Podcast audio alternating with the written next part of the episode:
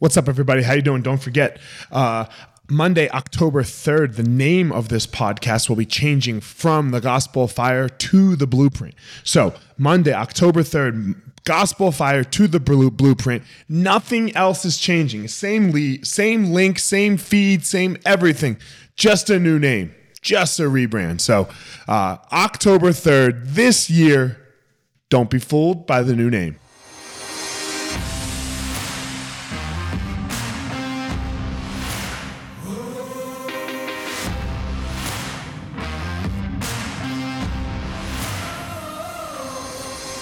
What's up, my ninjas? This is former UFC fighter Elliot Marshall, and this is the Gospel of Fire, where we are going to learn how to go into the fire so that we can find our power and live the best life possible.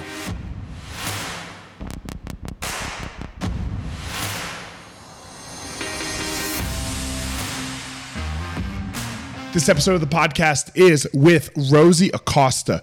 Rosie is a mindfulness and yoga teacher, and man, we barely talked about mind about really yoga uh, at all. We talked a lot about mindfulness. We talked a lot about how she was able to literally change her life from a gangbanger to this entrepreneur and businesswoman that she is now. One of my favorite podcasts uh, that I've ever done. Just the energy of it and dealing. Uh, dealing, not, I shouldn't say dealing with, hearing her story and how much she and I really agreed. So, um, that I can't wait for you to listen to it. Here we go. Without further ado, Rosie Acosta. Rosie, you just took a drink of coffee. Is it good coffee or is it is it crappy coffee or is it tea?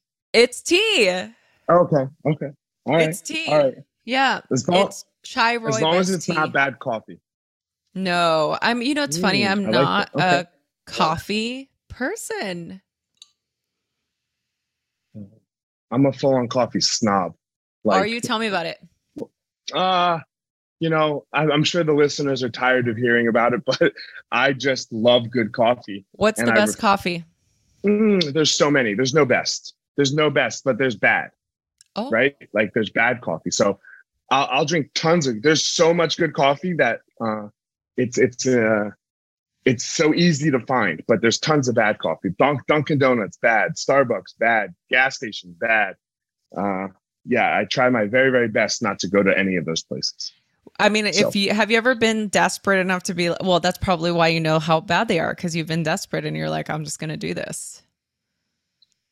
Uh, Rosie, we're gonna start this off with a bang, okay? I believe coffee is also like sex. So Um, oh, here we go. Sex. So sex is better than no sex. So bad coffee is better than no coffee. So that's how I see it. Well, okay, that's where we're going. Right. That's that's where the, that's where we started here early. So yeah, in a pinch, I'll have terrible coffee. You know, because why not? But yeah. anyway, let's talk about you. Yeah, let's talk about you.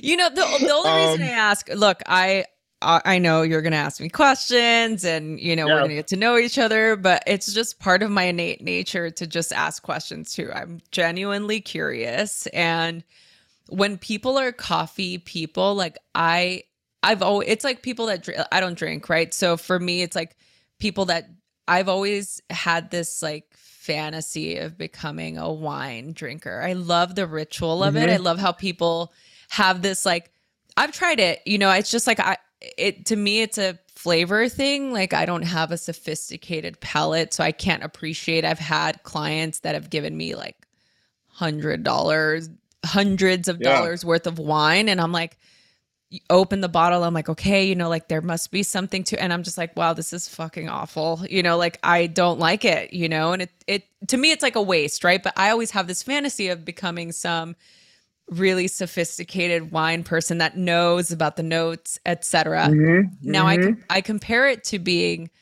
a coffee drinker, people that drink coffee that have a sophisticated palate as you are clearly showing us here. But I only have it with coffee. Like I don't have it with like beer or wine per se. Like I hate expensive beer. Like like the upscale beers, I think they taste god awful to me. I want like Bud Light or like or like Shock Top, like you know like like so like it's okay like and part of the podcast, look, we're we're calling we're, we're moving the name to the blueprint. It might be released already. That's okay. That's not part of it, right? Like right. the key is to find what you like and then right. make that happen for yourself. So like if you like, I can't stand Chicago pizza. I don't think that's pizza. I think that's bread with sauce on it. Pizza's New York pizza. But look, if you're a Chicago pizza type person, do your thing. I'm not yeah, gonna yeah. like, you yeah, know, no. I'll die on the hill that that Chicago sucks, but you should die on the hill that New York sucks. And I'm fine with that. That's know? the same so, way I feel about um, Mexican food in Texas. I think it's the absolute worst Mexican food. I'm I've been I, I oh I love Tex-Mex. No, I'm Hispanic. I grew up with a little Mexican yeah. grandmother making tortillas, grinding the corn, making them by hand, mm-hmm. having real, authentic, homemade, homegrown Mexican food. Like, so I'm already ruined, right? For most restaurants, most places, I'm already going to have a high standard. Um, but yeah, I went to Texas. The first one of the first times I went to Texas, so my mom grew up in Texas, but and then she came to LA. I met my dad. It's just a long mm-hmm. story. She remarried, you know, my stepdad and and lived in Texas. Was in Texas for a long time with my little sister, and so I was in Texas. I spent a lot of time in Texas, but I just could not find okay. That good, authentic Mexican food. I tried the Tex-Mex. I tried it. Just it just wouldn't compare. But what I will tell you is I've traveled across the country. Uh, I've gone from the East Coast to the West Coast. I've driven close to 14,000 miles across the country. And by far the best mm-hmm. Mexican mm-hmm. food I've ever had, Washington, D.C. Really? That's interesting. That's right? really Washington D.C. Because I love the Mexican food in L.A. I think LA oh, yeah. has great Mexican food. Yeah, they have some some some great places here for sure, but you know, I'm a snob. I'm a Mexican food snob. All right. Enough enough food, right. enough coffee. Me uh, let, us get it let's get into you know. It's okay. It was, it was a great conversation to start.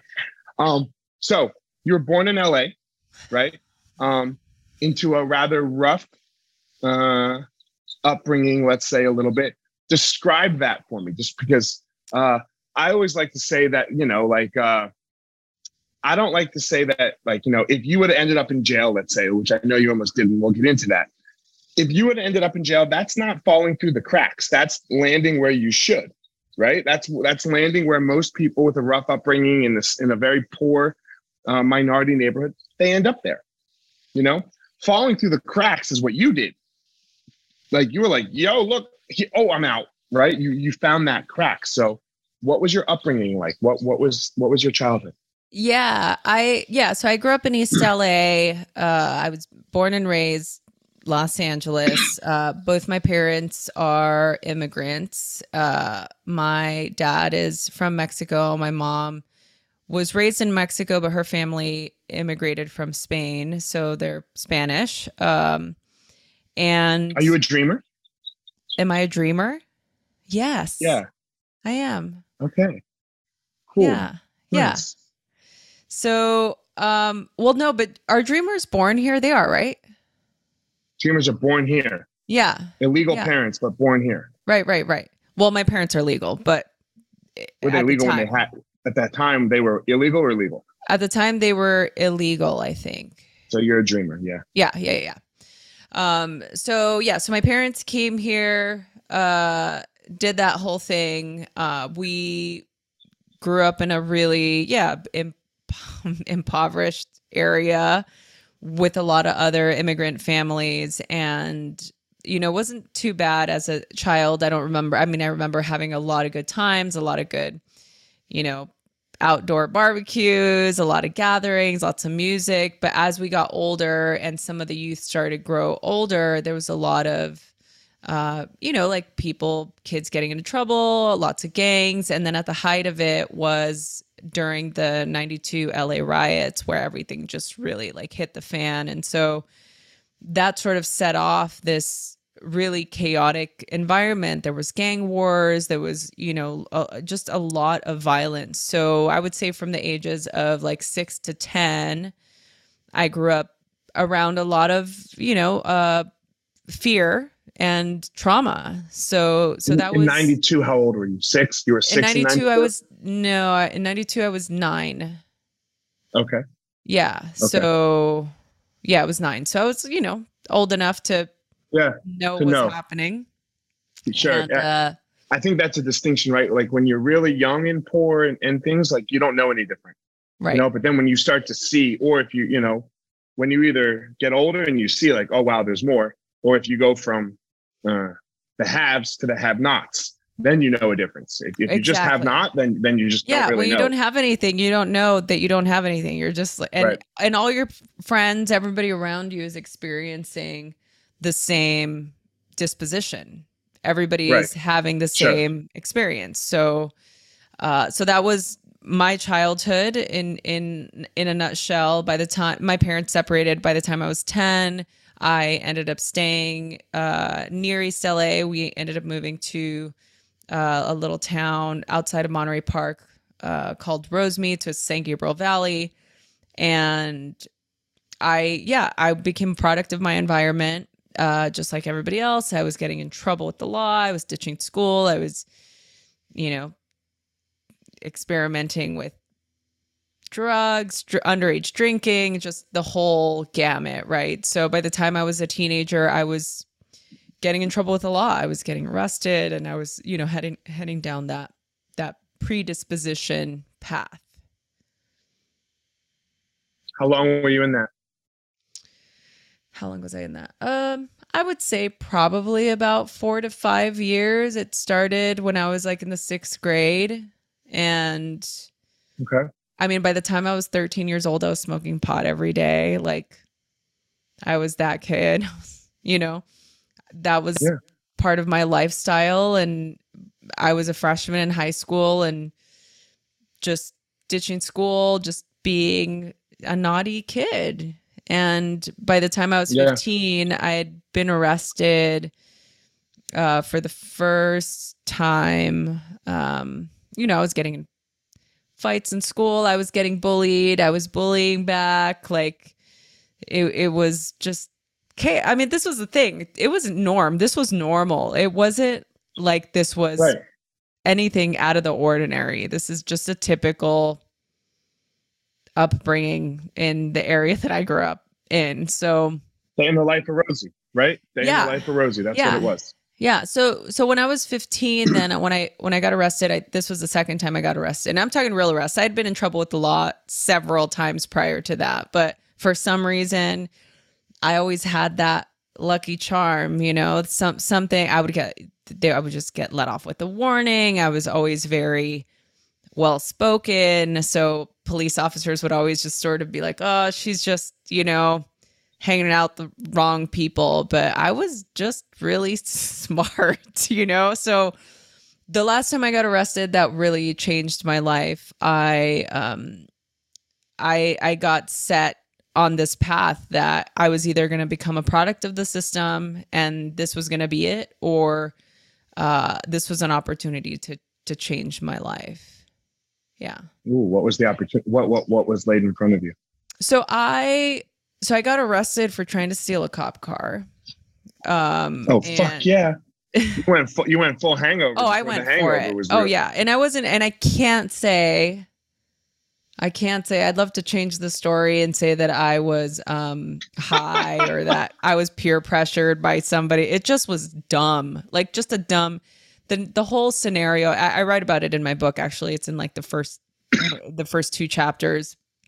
Uh just a dumb decision you know just it it it clearly demonstrates the mindless uh navigating of my life and so yeah i got arrested and it this was part of the run of the mill of all the other teenagers so it was me and a bunch of other you know like homies kids that looked like me me kids that were getting into trouble all boys and I was the only girl. And I remember the judge basically said, you know, I could send you to jail, but given that this is, I, I could send you to jail given that you had a couple of run ins with the law, but I have, you know, I believe that you have the capacity to change things around and I'm going to give you 6 months probation uh, so that you can so that you can prove me wrong essentially. And uh 6 months came and I c- couldn't really do it. Um because I was still kind of like, oh, I don't really care. So what? Who cares? I got arrested. It's like no big deal. You know, I'm just going to be on probation for the rest of my life. Like, who knows how long I'm going to live? I didn't really have a projection of my life. Mm-hmm, mm-hmm. But what it did do is I, mm. I, had already been suffering from anxiety and panic attacks, but this really set me off a panic on a panic tangent. You know, I would get these bouts of panic and I didn't really I didn't really want to go to jail. Like I didn't really know what I wanted to do. I knew that I didn't want to be like everybody else I was growing up around. And so I knew that the choice to change my life needed to be made in in that 6 month period. And so I just decided that uh I I didn't want to prove everyone right.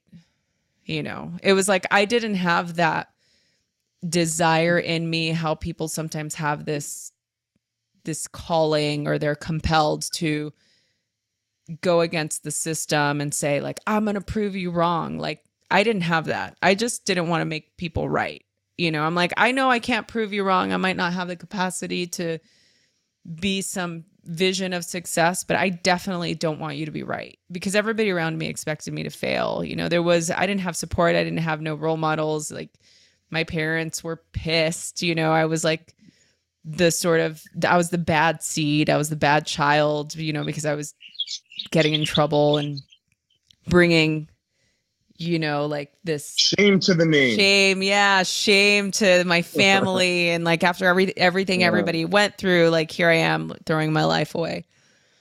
And so, yeah, so I was having these panic attacks, and and all of this really came together during a time where I needed to figure out a way to distance myself from the people that were, you know, essentially my friends, my family that was getting me into these scenarios where I was making bad decisions. Um, so that's actually when I found yoga and meditation. Uh, my mom's friend had come home with these. Well, she had given my mom these pamphlets to the Self Realization Fellowship, which is a fellowship here in LA for people that are familiar. Paramahansa Yogananda was a yogi from like the early 20s and 30s. He brought yoga to the West essentially. And it was very much uh, marketed to the LA Hollywood crowd as this sort of new age way of living. That's how you can say it. Rich white people. It's okay. Yeah, it's like it, it's like it was the way of, yeah, of it's yeah, it's okay law of attraction and it's like it was marketed yeah. towards like the hollywood mm-hmm. crowd and and you know they they ended right. up building these these centers right so so that was really uh that was cool for me to explore because I, I was like into new agey things i'm i'm a recovering catholic right so for me like anything outside of catholicism was attractive you know okay so when you say recovering Catholic, when when did your uh, end of Catholic When did when did you end being Catholic and start? Oh, recovering? when I was yeah, I write about that in my book. Actually, that's in the first chapter too. Happy to share the story. Uh, yeah, I got kicked out of catechism class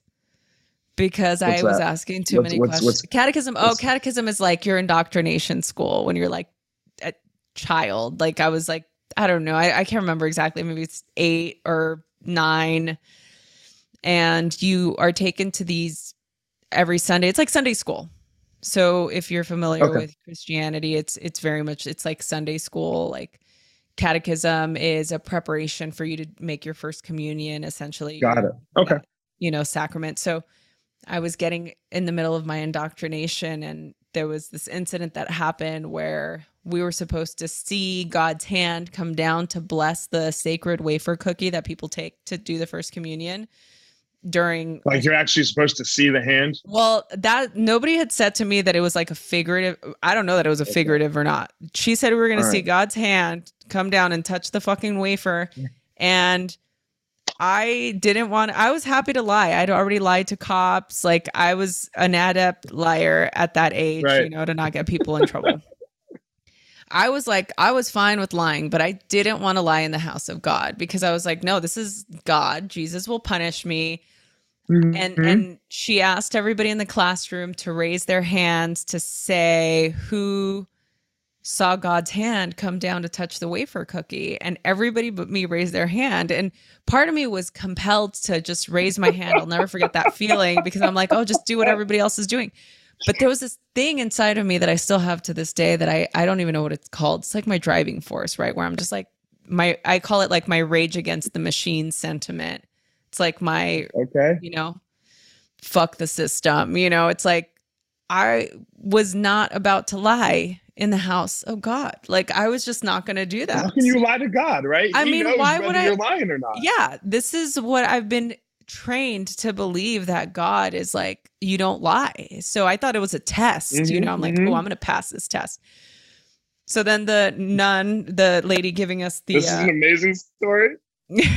this nun lady that was like, this is amazing, t- telling us okay, you know, so why, you know, oh, those of you that didn't see God's hand, don't worry. It, you know, you will, it'll come, like you will see it one day soon. And I was like, excuse me, miss, like I didn't see it because there was nothing there. Like, and I wasn't trying to fight with this lady that was four times my age. Like, I think what I was just trying to, I wanted her to tell me that it, this was a figurative seeing, that this was like an, maybe even an energy. I could have got on board with that.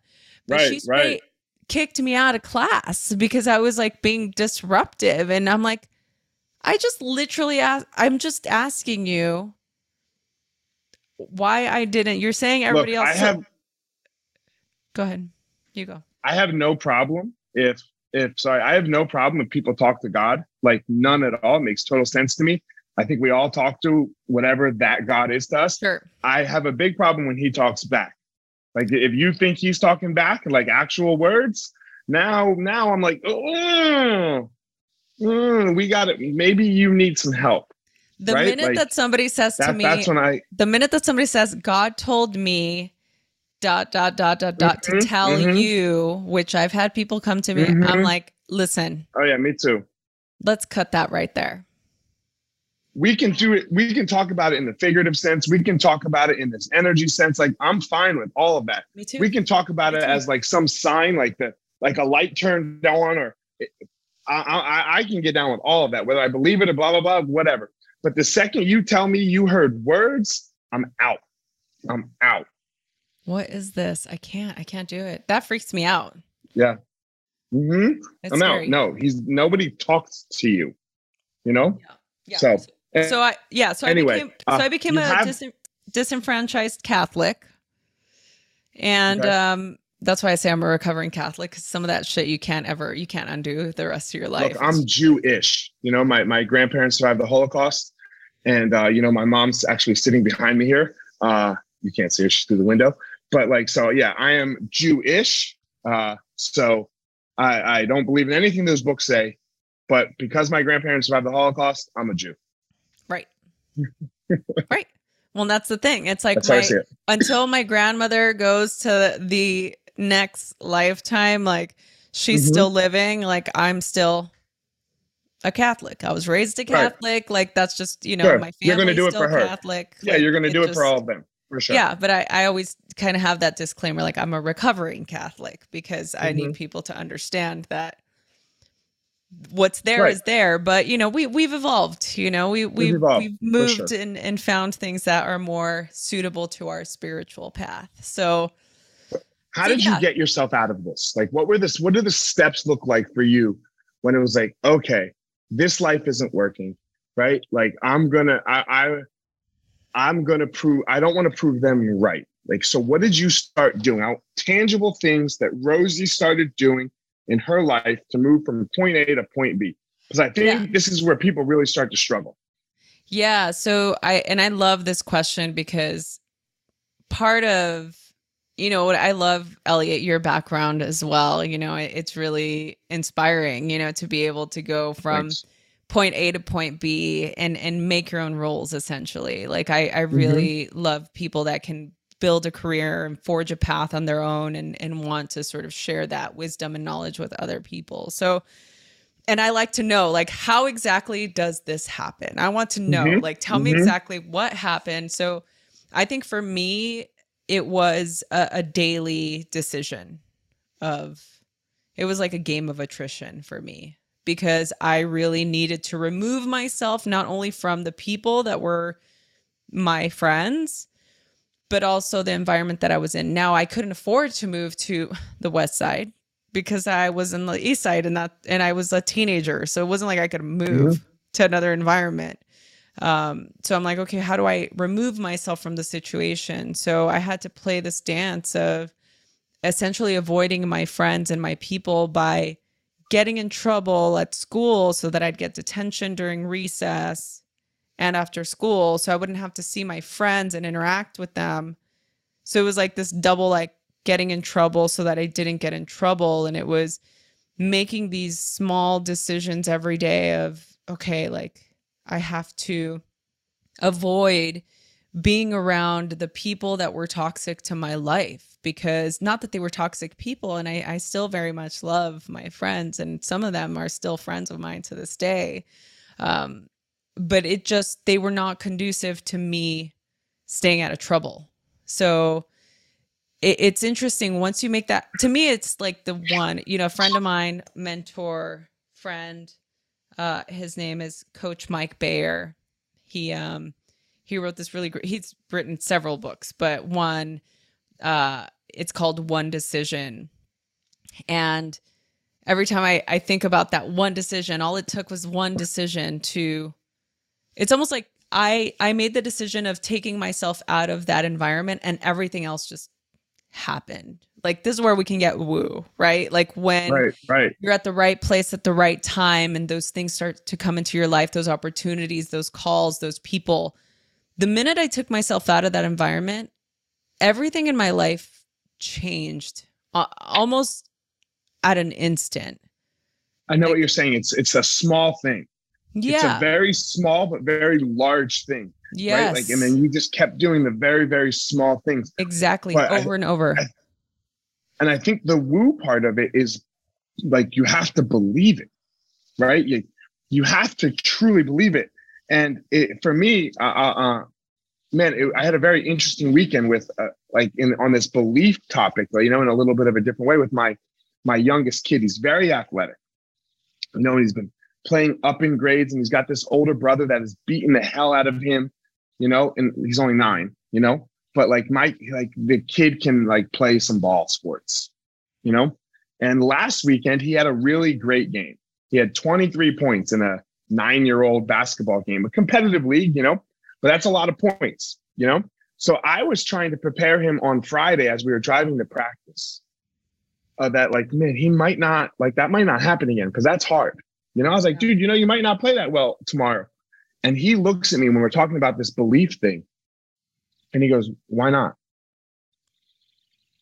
He just looks at me and goes, "Why not?" And so much clicked for me about him in that moment he truly believes that he's going to play amazing every single game to the point where like when he actually loses like when his brother beats him he throws a fit. Like he throws a fit like you couldn't believe because like of course your brother's going to beat you. He's 12 you're 9 but he it, it doesn't even cross his mind right? It doesn't even cross his mind. So when it actually happens it's like the end of the world to him right? So we go, he asks me Friday night to make a bet. And I'm like, okay, what's the bet? He goes, if I score more than 23, dad, you buy me two milkshakes instead of one. And I was like, done. I was like, cool. It's three minutes into the game on Saturday. He drains this three pointer. He turns back and looks at me and goes, told you. And he only has seven points at this point. And then he just went off but it's what you're saying. He made the decision that he yeah. was going to have a better game. Yeah. Right? You it- made the decision that you weren't going to live this life. And isn't it wild to think that, you know, as parents, I, I don't have kids yet. You know, I, I have okay. a couple of nieces and nephews that I adore and love, and they're ranging from ages six to two. And I love okay. giving them back to their parents, right? So so for me it's just sure, like sure that's amazing. that's the best part. That's love the best it. part. Oh yeah. We I mean I still get uh-huh. naps. Like Tori and I have been together for oh, almost yeah. 20 years. Like we we talk occasionally about having kids and and maybe we decide to do it later. Who knows? Maybe we don't and it's totally fine. But okay. I I'm always so fascinated by par- first of all, I think parents is being a parent is a thankless job and I think it's un- incredible. Like I don't think parents get enough clout and enough like glorification because it truly is a wild responsibility and true testament to the type of fabric of human being you are, right? Because you're literally it's a lot of work. Yeah, you're raising an, an, another little human, you know, humanoid. But what I find fascinating is that your son, you know, so I, so I really think this is innate. I think that most kids are really born with this belief and this like jovial sense of accomplishing anything, right? But like we get in the way of saying the world crushes them. The world, yeah, the world, and we don't want that to happen. Like we want to prepare, mm-hmm. right? So, so in my preparing, you know, my niece for, you know, so, we're raising, uh, uh, you know, uh, monarch butterflies, right? And they okay. don't all, they don't all, all the caterpillars don't always make it, right? So, so it's like, okay, you know, some of these guys are not going to make it. And, and, you know, you have to just always prepare. Like in a way, me, my my sort of attachment that has been hurt by losing some of my little caterpillars. Your own die. sadnesses. Yeah, my own sadness is trying to prepare her for not having the same loss. Right? Right. But then it's like she's like, "Oh, but but what if they all what if they all make it?" And it's just like, "Oh." Yeah. That's how I was like cuz I try really hard like like he swears, like my youngest swears he's going into the NBA. Like he just swears Like he's not he's not even going to college. Like we were we were away somewhere. We were at, we went to basketball camp at University of North Carolina over the summer. And he goes, I guess maybe I could do this. And I'm like, what do you mean maybe? I was like, maybe go to college. He goes, yeah, maybe go to college. I'm like, no, dude, you're going to college. He go, you know, like if you want to play, you're going to college. He goes, Dad, I don't need college. I'm going straight to the NBA. Like, and I'm like, all right, I don't want to crush his dreams, right? Because that's what happens. The world crushes your dreams. Right. The world tells you, no, you can't do that. No, Rosie, you can't get yourself out of where you you were to where you are now, right? Like that. That's not gonna happen for you. And then you start to fucking believe it because everyone's telling it to you. What happens if we just told these kids yes? Yes. What happens if we just told people, you know what? Okay, Yes. Okay, that's what you want? Yes. Now let's go make it happen. What are the steps that actually it actually takes to make that happen now rather than uh, you know, have a plan B. What happens if it doesn't happen? Right? Because that's what we get told a lot. We get told yeah. to have a plan B, right? You're not going to be able to do this. So therefore, make sure you can at least pay your bills, get married, have two and a half kids in a white picket fence, where you know you don't really like your spouse that much, but you stay with them and yada yada, right? And you work this really dumb, boring job. What if we went the other way? Yeah. That's uh, you know, what if we went the other way? Well, we just said okay, and we just asked asked everyone, okay, that's what you want. What do you now have to do? Yeah. Well, that's, that's the thing. That, that, like, that's that's the stories I like to hear about. Oh, what did yeah. you do? You know? Yeah. And I love that. And I, I'm a fan of saying yes. I, I really do believe. I don't think everyone is the best. I don't think everyone is the best. But they don't I, have to be. Right. But but I believe that every single person has the tools and the capacity to be the best. Like mm-hmm. that's what I believe. Not everybody's the best, but if if you have the desire you have the capacity and the tools you need to be the best. Like I believe that 100%, you know. And what I really liked what you said earlier Rosie was like uh you almost treated you are getting out of this as almost like you were an addict, right? Because when you talk to addicts and they say, and somebody goes, "Are you going to be sober sober a year from now?" They say, "I don't know. I'm going to be sober today."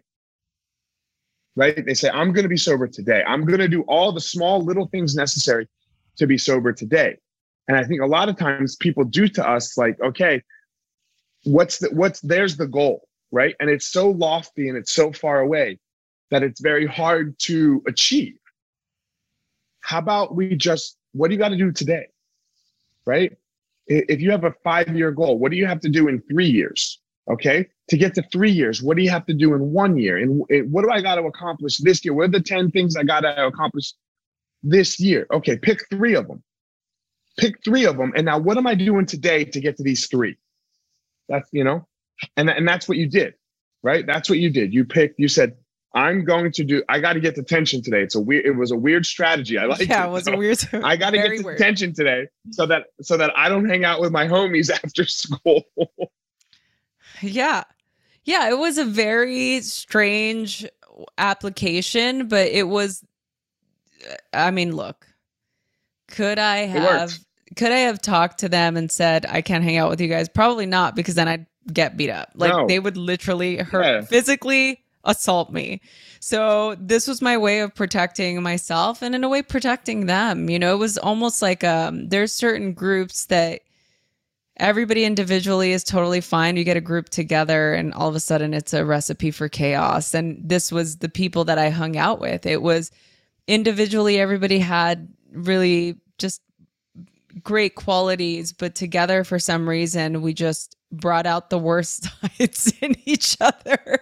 And yeah, I feel like it's that's like almost a mob mentality. Yeah, exactly. Yes. Which is wild, right? We've yeah. seen a lot of that in the last two years. Yeah. We have. Yeah, we have. So um when did you start to like really change? Like because now, like uh tell everyone what you do now and and how you really started to make that happen. Yeah, so I, I teach yoga and medit well, mostly meditation now. Uh, so I'm a mindfulness and meditation teacher, and uh, part of what essentially spurned my career path was the fact that the thing that I did consistently as well during this time was meditate. So I learned I learned how to meditate. I started to meditate more consistently. It took uh, many many years, but uh, by the time I was in my late teens, I was, you know, working and I had seen my life completely change by making better decisions or just staying out of trouble. Like that was my goal. It wasn't, hey, how do I progress in life? It was like, just stay out of trouble. That was my only job. Stay out of trouble and see what happens. And it's what I was saying earlier about all of these different opportunities just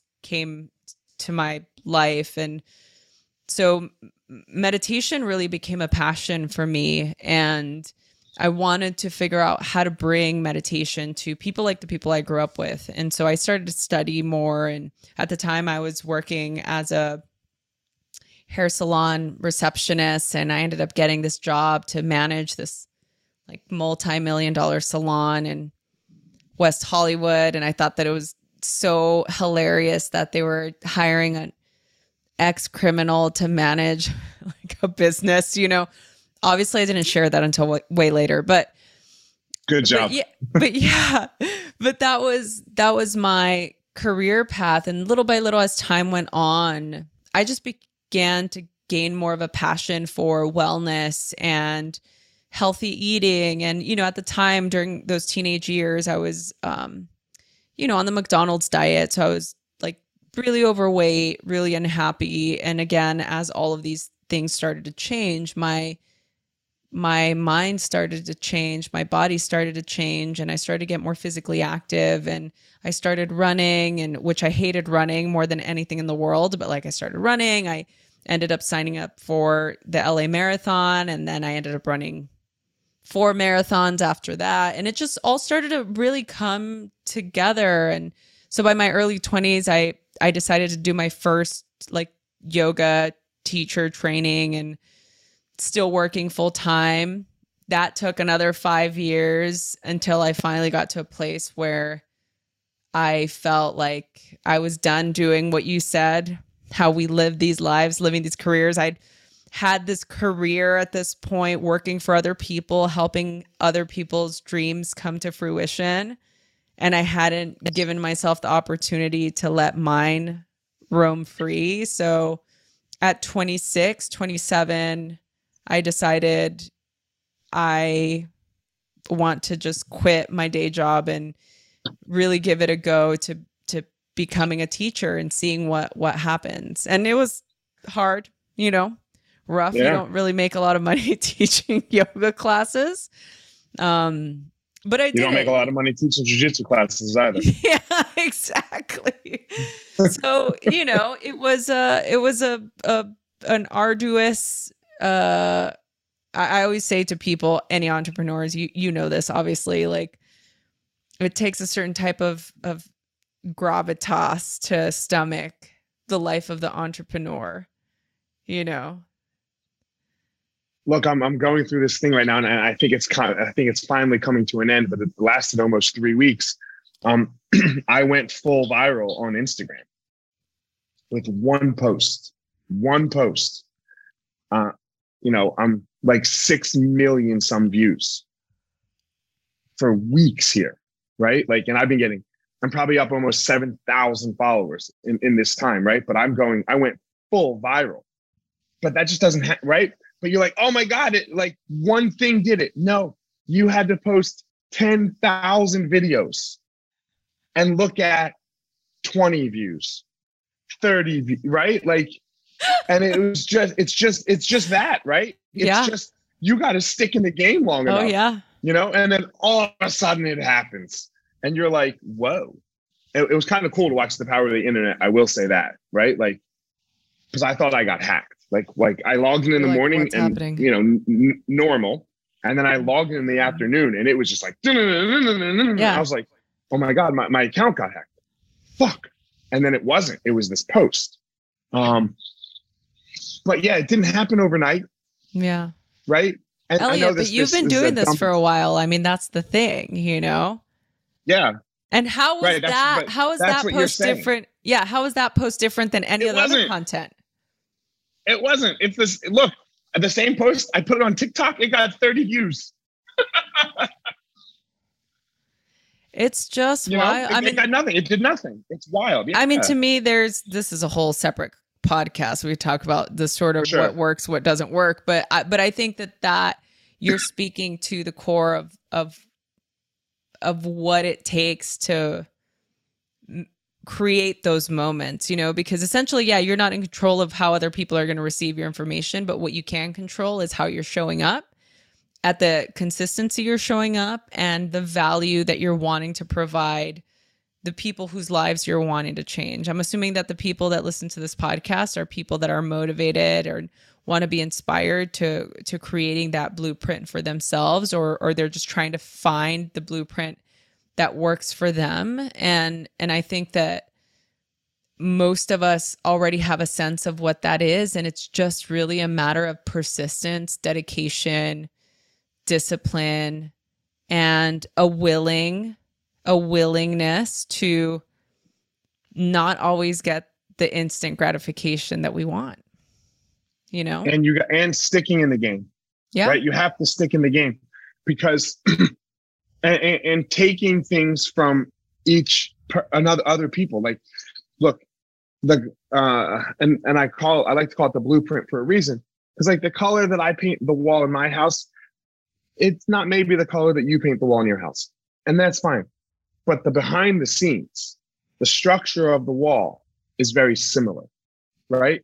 So that's what we want to take. We want to take these structures from people, right? We want to hear hear Rosie's story. Like, okay, so what did she do first? First, she changed her who she was hanging out with, right? And she had to stop hanging out with these people. That that's something that I can do. For another young girl who might be like you, a young man who might be like you. That that's not my scenario. I, my my circle is okay. So maybe I don't need that piece from Rosie's story. Maybe I need a different piece from Rosie's story. And and that's what we need to start really paying attention to, right? Is is what are the pieces that the successful use that I can now use in my life. And this doesn't promise a lot of money. I, I don't, you know, you, you might not get rich, and we're not talking about rich and we're not talking about famous and we're not talking about with my posts uh, 6 million views on Instagram because that shit doesn't fucking matter. Right. For me, it was like, oh, damn, look at that. It finally happened. Right. I stayed in the game long enough and boom, that's the lesson. The lesson is stay in the game. Do you believe in what you're doing? So, okay, great. Stay in the game. I just feel like I, had, I I just heard exactly what I needed to hear today. I needed that motivational pep talk. So thank you for that.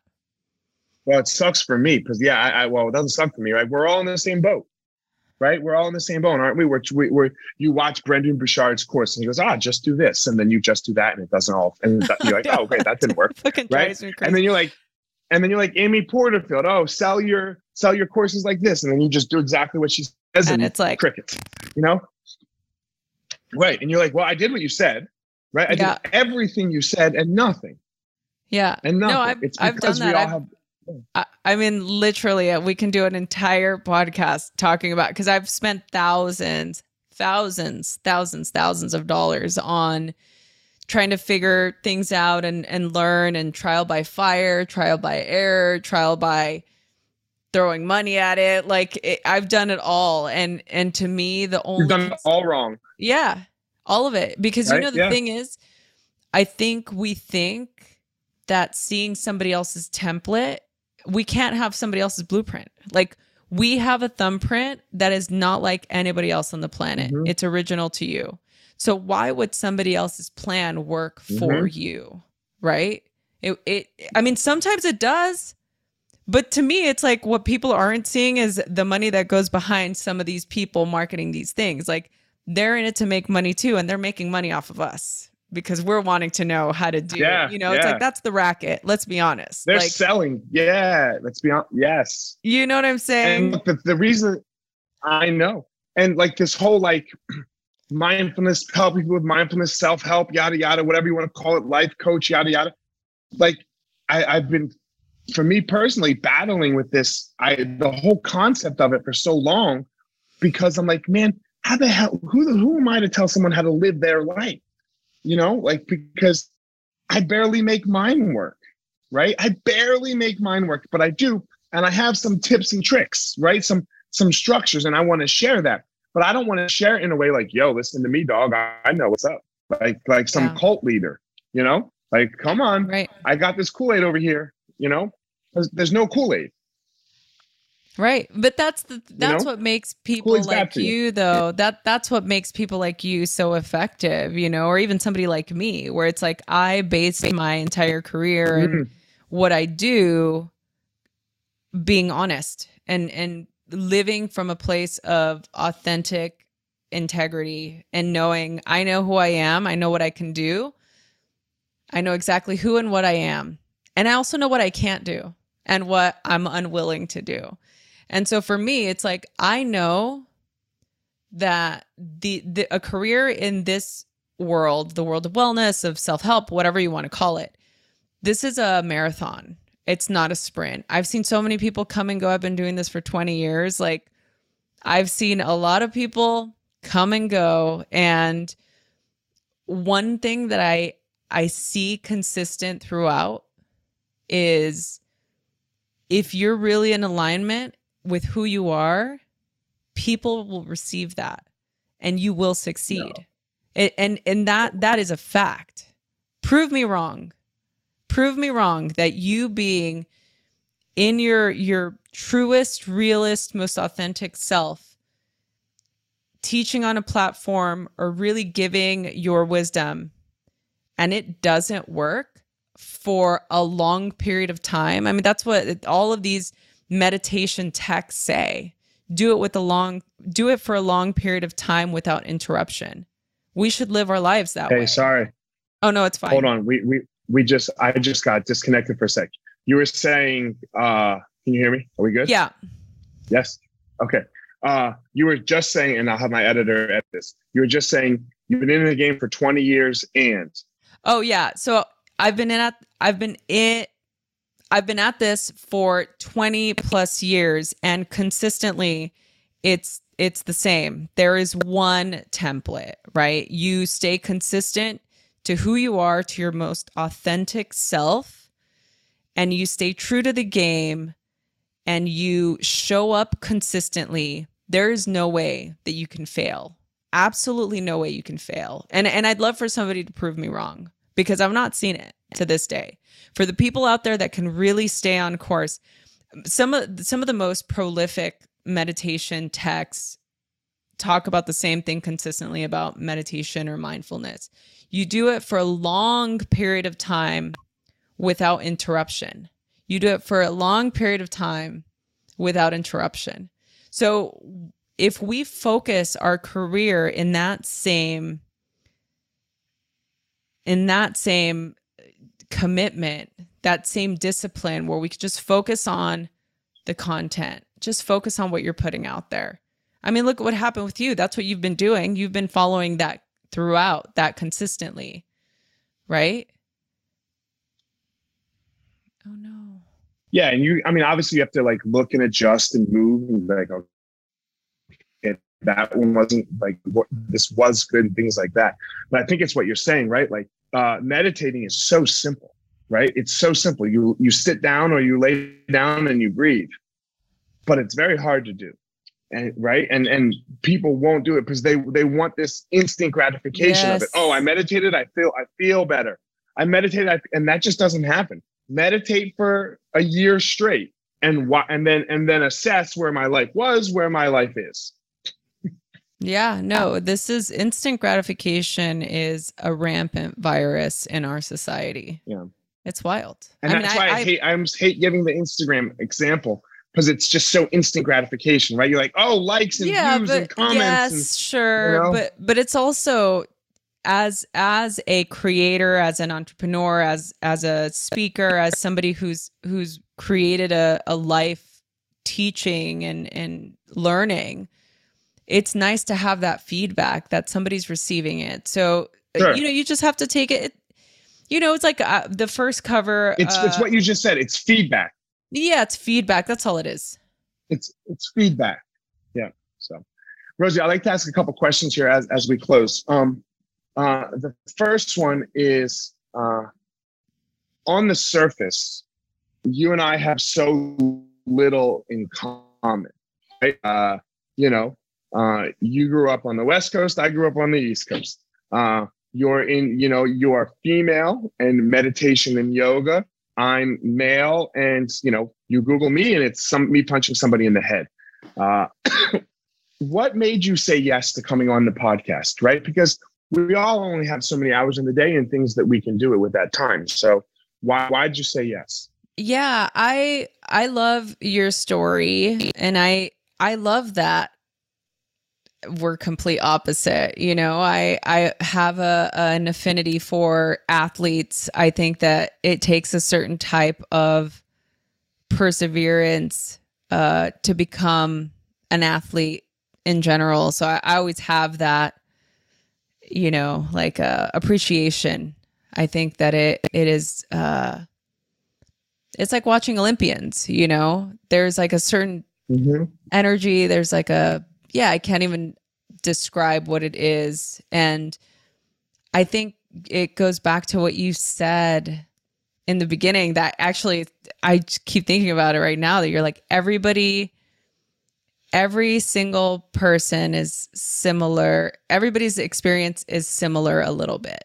Like everybody everybody's mm-hmm. life is essentially what I, what I took from what you said is that even though everybody's different, we're all pretty much on the same path, you know? Like we can have different experiences. Yeah. So for me, it just it resonated with me. Um and I, I think it's important for us to have different perspectives from from everywhere, you know. And I, I was I liked your I listened to your podcast and I, I loved what you said and I like the content that you put out there on the interwebs and it, it mm. really resonated with me. So so that's why I said yes. I think I think hearing why people say yes to certain things and no to other things is important, right? And that helps us make decisions, you know? Like yeah. it doesn't have to be in in your genre and in your niche and da da da, right? Like yeah. you know, I had somebody come on the podcast once and when we were doing the pre-talk, she was like, Well, I need to sell this course. And I was like, What do you mean you need to sell this course? She was like, I'm coming on the podcast because I am launching this course and I wanted to sell and yada yada. I was like, Yeah, this podcast ain't for you because I'm not going to do that. You know? And she's like, We we we can't do that. I was like, No. I was like, No, we're not selling anything on this, you know? So and it was, you know, and she she wanted a, an immediate return.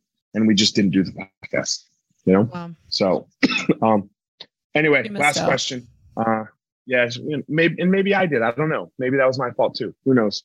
Um, I believe everyone has a unique power and a, a, a, thing about them that makes them amazing. You already talked about yours a little bit. Rage Against the Machine.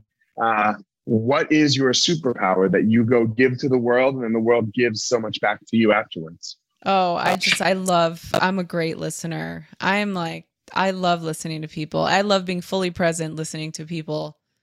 I just love it. It, it really nice. gives me joy. And obviously, I love to ask questions. I'm a curious kitten. So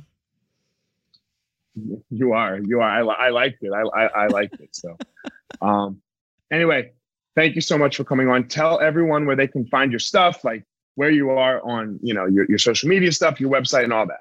Yeah, you could just go to radicallyloved.com. Everything is there. I, I hang out mostly on Instagram. It's um, my name, Rosie Acosta. And uh, yeah, but you can find I'm I'm easily findable and reachable, pretty accessible. You're easy. Yeah. I think Instagram's the nicest platform, right? All the other ones they they they get they go to their like Twitter sucks, Facebook sucks. You know, like I hate I don't all even do. Like, I don't. I can't tell you the last time I logged on to Facebook. I think it was like 2015 yeah. or something. Yeah. It's been a long time. So, okay. Anyway, Rosie, thanks so much for coming on. Uh, guys, as always, everybody, uh, Rosie has her unique thing that she goes out and, and, and gives to the world and is amazing. And I have my power that I go out and I give to the world. Please don't go out in the world and try to be Rosie. And please don't go out in the world and try to be me. Everybody go out there and find your own power. All right, everyone, thanks for listening to this episode of The Gospel of Fire. If you enjoyed the episode, I'd love a review on iTunes or wherever you are listening to this podcast. Don't forget to follow me on social media at Fire Marshall 205 if you are a BJJ enthusiast, check out my YouTube channel. I put all kinds of instructional DVD uh, videos out on there, so go check it out. My book is still out on Amazon by the same name as the podcast, The Gospel of Fire. So if you are interested, go check out that. And most importantly, guys, go out there every day, find your power. Thanks a lot. Guys, look, I get it. I totally get it. You opened a martial arts school and man, it's kind of crushing you. There's all this other stuff to do other than teach, right? You love teaching. You love jujitsu. You love Muay Thai. You love karate. Whatever it is you're you're teaching. And man, but there's all this other stuff. There's there's the front desk. There's there's taxes. There's curriculum. There's cleaning. There's there's problems, staffing, covering. Whew, man, it's so much. It's so much. Well, let me tell you, uh, we have started what's called Easton Online, and Easton Online is here to solve all of these problems for you. Easton Online is a digital academy for martial arts school owners and managers. Will help you establish or enhance your business with best practices. Most importantly, we're to help you get back to what it is that you love most teaching and doing martial arts. Okay, so for more information, guys, go to easton.online. Again, that's easton.online. Add your email. You're going to get notified about the course launches. Our first course is going to be all about the first impression specialists, your front desk, and all kinds of stuff, special offers, promotions, as well as we started a podcast by the same name, Easton Online, that's going to talk about our process of how how we went from a tiny little martial arts school to what is now seven martial arts schools, seven Brazilian Jiu Jitsu Muay Thai schools, um, in a very holistic way that we believe um, kept the integrity of the art and also deals with its people very well. So again, Easton.online, enter your email and you're gonna get all you're gonna get everything you need right there. So thanks, guys.